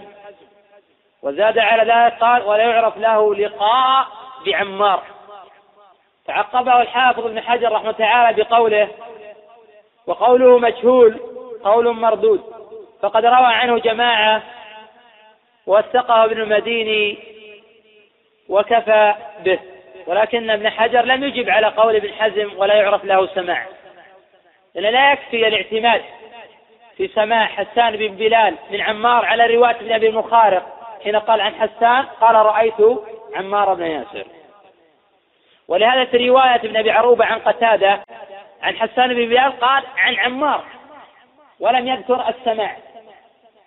على أن رواية سعيد معلولة كرواية النبي المخارق قال رأيت عمار بن ياسر توضأ فخلل لحيته. عمار بن ياسر العنسي أبو اليقظان مولى بني مخزوم صحابي جليل كبير القدر عظيم الجلالة. أمه سمية بنت خياط كانت أمة لأبي حذيفة ابن المغيرة وكان ياسر قد قدم من اليمن إلى مكة فحالف أبا حذيفة وزوجه مولاته سمية فولدت عمارا فأعتقه أبو حذيفة.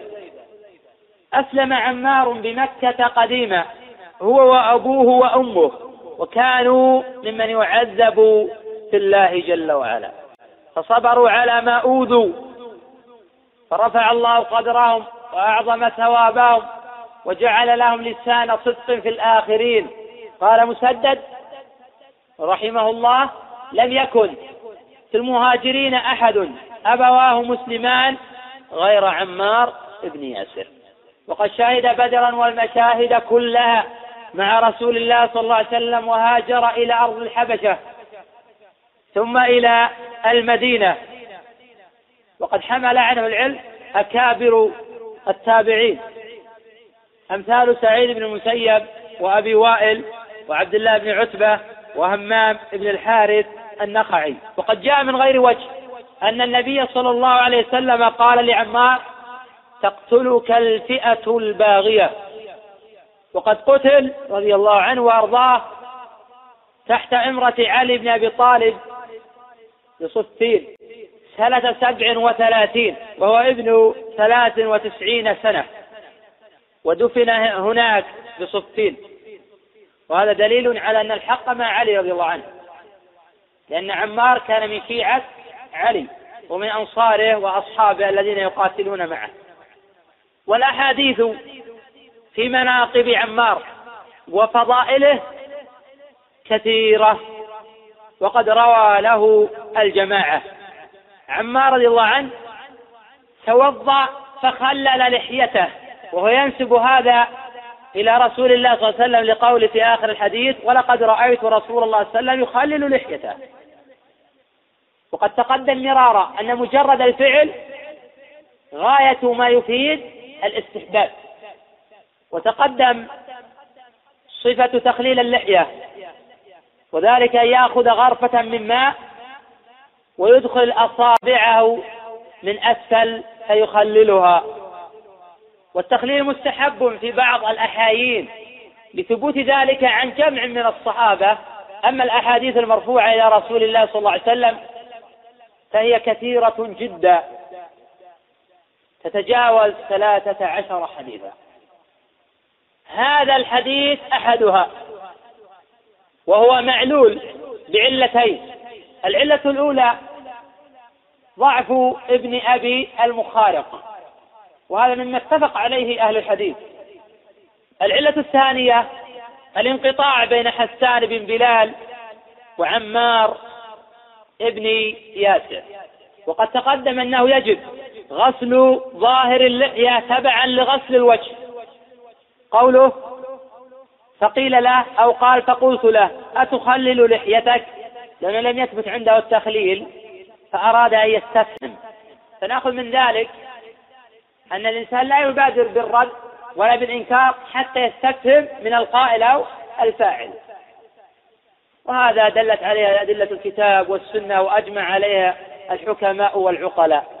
ما لم يكن عند الإنسان نص عن رسول الله صلى الله عليه وسلم ينص على هذا العمل. قال عمار وما يمنعني؟ استفهام انكار وبين هذا قال ولقد رأيت رسول الله صلى الله عليه وسلم يخلل لحيته. والحديث عن التخليل وأقاويل الفقهاء ومذاهبهم نذكره إن شاء الله تعالى بعد قليل. قال الترمذي رحمه الله تعالى حدثنا ابن أبي عمر أراد أن يذكر طريقا آخر أو متابعة لابن أبي المخارق. قال حدثنا ابن أبي عمر قال حدثنا سفيان بن عيينة عن سعيد بن أبي عروبة ثقة ثبت سعيد بن أبي عروبة. وهو من أثبت الناس في قتادة. قال ابن معين وأبو داود وأبو زرعة وقد اختلط في آخر عمره وأثبت الناس فيه عبده بن سليمان ويزيد بن زريع وخالد بن الحارث وآخرون. قال وكيع كنا ندخل على سعيد بن أبي عروبة فنسمع منه. فما كان من صحيح حديثه أخذناه وما لم يكن صحيحا طرحناه.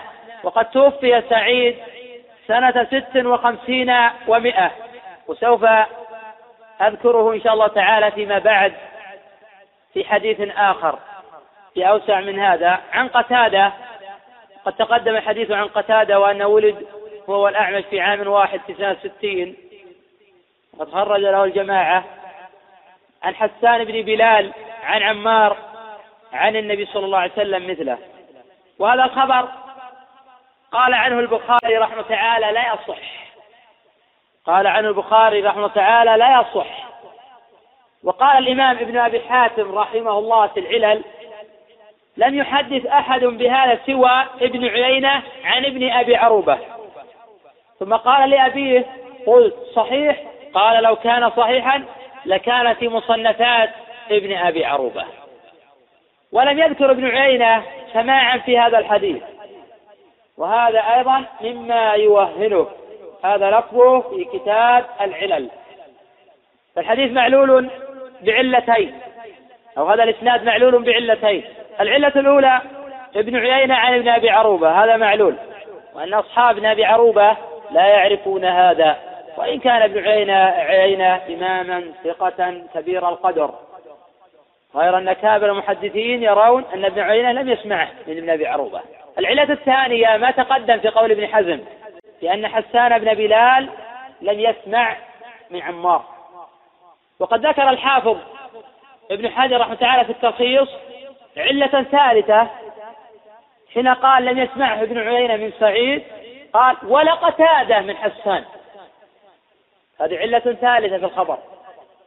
قد جاء في بعض طرق الحديث ما يفيد تصريح ابن عيينة بالسماع من سعيد وهذا ليس بشيء. فحديث الباب بإسناديه لا يصح بأي وجه من الوجوه. يبقى أن ننظر فيما أشار إليه الترمذي رحمه تعالى من قوله وفي الباب ليحصل الحكم على كل الأحاديث الواردة في هذا الباب. فإن بعض العلماء صحح بعض الأحاديث بينما قال أحمد لا يصح في الباب شيء وقال أبو حاتم لا يصح في الباب شيء. قال أبو عيسى رحمه تعالى وفي الباب عن عثمان. حديث عثمان أسنده أبو عيسى ورواه غيره سنتحدث عنه إن شاء الله بعد قليل. وعائشة حديث عائشة رواه أحمد في مسنده وحسن ابن حجر فيه نظر. وأم سلمة روى الطبراني في الكبير والعقيل في الضعفاء. وفي إسناده خالد بن إلياس العدوي. متروك الحديث. وأنس حديث أنس رواه الحاكم في مستدرك وصححه ابن القطان في كتاب بيان الوهم والإيهام. وقد رواه ابن ماجه من وجه آخر. الخبر معلول. وفي الباب عن ابن أبي أوفى رواه أبو عبيد في كتاب الطهور وفي إسناده فائد بن عبد الرحمن وهو متهم بالكذب. وأبي أيوب رواه أحمد وابن ماجه وغيرهما من طريق واصل بن السائب الرقاشي عن أبي ثورة عن أبي أيوب الأنصاري. وهذا إسناد معلول. هذا ما ذكره أبو عيسى. يشير إلى ما لم يذكره. وفي الباب أيضا حديث أبي أمامة رواه ابن أبي شيبة. وحديث ابن عمر رواه ابن ماجه. وحديث علي رواه الطبراني. وحديث ابن عباس رواه العقيلي في الضعفاء. وفي الباب غير ذلك أيضا. قال الإمام أحمد وأبو حاتم وجماعة لا يصح عن النبي صلى الله عليه وسلم في تخليل اللحية شيء. قال أبو عيسى رحمه الله تعالى وسمعت إسحاق بن منصور يقول قال أحمد بن حنبل قال ابن عيينة لم يسمع عبد الكريم من حسان بن بلال حديث التخليل. بل قال البخاري رحمه تعالى لم يسمع عبد الكريم من حسان. فظاهر عبارة البخاري أن عبد الكريم لم يسمع من حسان مطلقا. لا حديث التخليل ولا غيره. فزيادة على ضعف عبد الكريم لم يسمع من حسان. وحسان تقدم انه لم يثبت سماعه من عمار. اذا الحديث مسلسل بالعلل. وقال محمد بن إسماعيل البخاري أصح شيء في هذا الباب حديث عامر بن شقيق عن أبي وائل عن عثمان. وهذا الحديث قد أسنده الترمذي رحمه الله تعالى. وهذا الخبر الذي يقول عنه البخاري أصح شيء في هذا الباب معلول بثلاث علل. الأولى لين عامر بن شقيق. فقد قال عنه ابن معين ضعيف. وقال أبو حاتم ليس بقوي في الحديث. العلة الثانية تفرد عن أصحاب أبي وائل. ومثله لا يحمل تفرده. العلة الثالثة مخالفته للروايات الثابتة عن عثمان وهي في الصحيحين وغيرهما بدون ذكر التخليل. قال أبو عيسى رحمه الله تعالى وقال بهذا أكثر أهل العلم وقال بالتخليل أكثر أهل العلم من أصحاب النبي صلى الله عليه وسلم ومن بعدهم. رأوا تخليل اللحية أي استحبابا لا إجابة. قال وبه يقول الشافعي. نزيد على ما ذكر أبو عيسى. وقد ثبت التخليل عن علي بن أبي طالب وابن عمر وابن عباس وأنس. ترى هذا في مصنف ابن أبي شيبة والبيهقي والأوسط لابن المنذر. وهؤلاء لا يقولون بوجوب التخليل فلو تعمد المسلم ترك ذلك. صح وضوءه. وهذا مذهب مالك والشافعي وأحمد وعوام أهل العلم. قال أبو عيسى وقال أحمد إن سهى عن تخليل اللحية فهو جائز. وقد نقل عن الإمام أحمد غير واحد من أصحابه لأن التخليل مستحب مع أن الإمام أحمد لا يصحح من الأحاديث شيئا فلعله يقول بالاستحباب بناء على ما نقل وثبت عن الصحابة رضي الله عنهم. ويمكن أن يقال إنه يقول لا يصح في الباب شيء أي على الانفراد. ولكن قد يصح الحديث بمجموع الطرق. وهذا مما أستبعده لأن كل من وصف وضوء النبي صلى الله عليه وسلم في الأحاديث الصحيحة لم يذكر تخليلا مع أن النبي صلى الله عليه وسلم كان كف اللحية. قال أبو عيسى وقال إسحاق إن تركه ناسيا أو متأولا أجزأه وإن تركه عامدا أعاد. وهذا مذهب أبي ثور وفي نظر. لأنه لم يرد الأمر بذلك من وجه يصح حتى يقال بالإجابة هذا الأمر الأول. الأمر الثاني أن كل من وصف وضوء النبي صلى الله عليه وسلم فالأحاديث الصحيحة لم يذكر تخليلا. ناهيك عن الأمر بذلك؟ على أنه يقال إن الأحاديث الواردة في هذا الباب لو صحت فغاية ما تفيد الاستحباب. في بعض الأحيان وهذا ما يترجح لثبوته عن جمع من الصحابة. قال أبو عيسى رحمه الله تعالى حدثنا يحيى بن موسى وقد تقدم قال حدثنا عبد الرزاق عن إسرائيل وهو ابن يونس عن عامر بن شقيق ابن جمرة الأسدي الكوفي روى عنه السفيانان وشعبة وجماعة وقال النسائي ليس به بأس ولكن ضعفه ابن معين وأبو حاتم. عن أبي وائل شقيق بن سلمة الأسدي مخضرم مات في خلافة عمر بن عبد العزيز عن مئة سنة. قد روى, روى له الجماعة وتقدم الحديث عنه. عن عثمان بن عفان ثالث الخلفاء الراشدين أن النبي صلى الله عليه وسلم كان يخلل لحيته قال أبو عيسى هذا حديث حسن صحيح. وقد تقدم قول البخاري بأن أصح شيء في هذا الباب هو حديث عثمان. وهذا الخبر قد جاء من طرق عن إسرائيل. هذا الخبر قد جاء من طرق عن إسرائيل. وصححه ابن خزيمة وابن حبان والحاكم. وعنده وخلل لحيته ثلاثة. وصححه جماعة من المتأخرين. منهم من صحح بالطرق والشواهد. ومنهم من صحح هذا الحديث لذاته. وقد روى هذا الخبر عبد الرزاق في المصنف ورواه أحمد وابن ماجه وابن خزيمة وابن الجارود والدار قطني وجماعة كلهم من طريق إسرائيل عن عامر بن شقيق عن أبي وائل عن عثمان. وقد تقدم أنه معلول بثلاث علل. أعيد ذلك. العلة الأولى ضعف عامر بن شقيق حيث ضعفه ابن معين وأبو حاتم. العلة الثانية أنه لا يمكن قبول تفرد عامر بن شقيق عن أبي وائل بهذا الخبر. العلة الثالثة تفرده عن أصحاب أبي وائل. فأين أصحاب أبي وائل عن هذا الخبر؟ ولا يزال الأئمة الكبار يعللون بمثل هذا.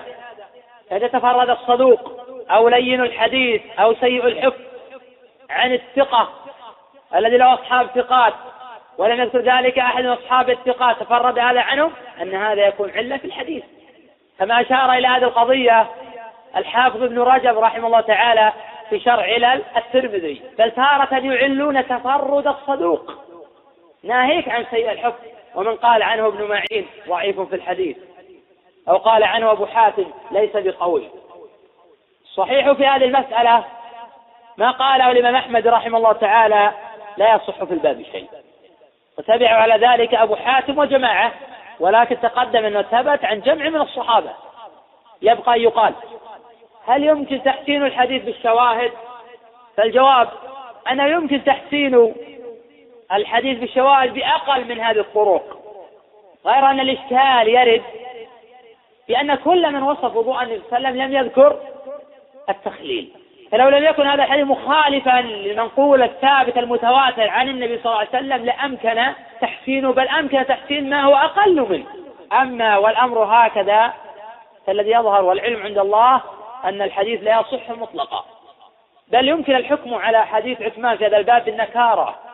لأن كل من ذكر حديث عثمان في الصحيحين في غيرهم لم يذكر تخليلا. فكيف نقبل حديث عامر بن شقيق عن أبي وائل؟ في صوت الله عليه وسلم مع ذكر التخليل. أذكر مجمل فوائد الحديث وما يتعلق به من المعاني. الأولى صفة تخليل اللحية وذلك يأخذ غرفة من الماء ويخلل لحيته بأصابعه كالمش أي هكذا. وقد قال يعقوب سألت أحمد عن التخليل فأراني من تحت لحيته فخلل بالأصابع. الثانية أنه لا يثبت بتخليل اللحية عن النبي صلى الله عليه وسلم شيء. الفائدة الثالثة أنه ثبت عن جماعة من الصحابة. الرابعة أن التخليل مستحب في بعض الأحايين الفائدة الخامسة يجب غسل ظاهر اللحية تبعا للوجه. الفائدة السادسة أن اللحية الخفيفة التي تصل البشرة يجب غسلها. الفائدة السابعة أنه يجب غسل ظاهر أنه يجب غسل ظاهر اللحية والباطن في غسل الجنابة. والله أعلم. آه، عبارة البخاري اختلفت. نقول الأول عن البخاري ما نقله أبو عيسى هنا قال أصح شيء في هذا الباب. وحين نقول بأن أصح شيء في هذا الباب حديث عامر بن شقيق عن أبي وائل عن عثمان لا يعني أن الحديث صحيح. العبارة الثانية ما جاء ذكر في كتاب العلل بأنه قال حديث حسن وهذا ما يعني التحسين الحديث أي تصحيحه. قد يكون الحسن بالمعنى اللغوي. فعموما عبارة البخاري غير صريحة تصحيح الخبر. ما في صريحة أن البخاري تصحيح أن الخبر صحيح. لأنه جاء عن عبارتين عبارة الترمذي وأنا أصح في هذا الباب ونحن نعلم أن قول العالم هذا أصح في هذا الباب أنه لا يعني التصحيح. مو شيخ ظاهر لفظ البخاري قال قال الترمذي ولكن في هذا الحديث فقال لا هو هو حديث إيه نعم لا هو حديث حسن. يعني قد يكون الحديث حسن باعتبار عمل الصحابة به ونقل الكثير عن جمع الصحابة فالعمل به لا بأس بذلك بهذا الاعتبار. نعم. الذي يظهر في وقت تخليل اللحية أنه مع الوجه لأن ذلك تابع للوجه فيأخذ الحكم في قول آخر أن تخليل اللحية تبع لمسح الرأس. ولكن الذي يظهر والعلم عند الله أن أن تخليل اللحية تبع لمسح الوجه ولغسل الوجه. الدليل الناهض على وجوب غسل اللحية كثة تبعا للوجه. نعم. ما هناك دليل هناك التعليل الوجه مأخوذ من الوجاهة والظهور الشيء الظاهر يجب غسله ما يمكن أن يزيد بحثنا نكارة يعني الحديث هذا نكارة أن النبي صلى الله عليه وسلم كانت الحيث مكثفة جدا وأنه ثبت أنه توضأ مرة مرة. فلا يمكن أن تعم المرة بحيث كلها. تقدم على النبي صلى الله عليه وسلم كان كث اللحية. ومع ذلك ما ذكر عنه أحد من الرواة بسبب صحيح أنه كان يخلل لحيته فحديث عثمان في الصحيحين وليس في شيء من ذلك تخلل اللحية. حديث عبد الله بن زيد في الصحيحين ليس ذلك تخليل اللحية. حديث ابن عباس في البخاري وغيره ليس فيه من ذلك تخليل اللحية. حديث علي عند أهل السنن ليس فيه من ذلك تخليل آه، اللحية. ومع ذلك كان النبي صلى الله عليه وسلم يغسل وجهه. فتوضا مرة مرة النبي صلى الله عليه وسلم توضأ مرتين مرتين توضأ ثلاثا ثلاث فكان يغسل وجهه مع, مع الظاهر. هذا الأصل في ذلك. حديث يحيى بن موسى عندما قال أبو حاتم كان رجلا صالحا كان به غفلة ورأيت عنده حديثا موضوعا. نبي عن العيينة اي نعم. ما ذكر هذا قد يكون هذا هو الحديث يعل محاسن قد يكون هذا الحديث لكن في ترجمته وفي بعض ما ذكر. أو ما سمي هذا الحديث. فقد يكون هذا هو الحديث. لأن أبي حاتم عل هذا الخبر وأنكره. نعم.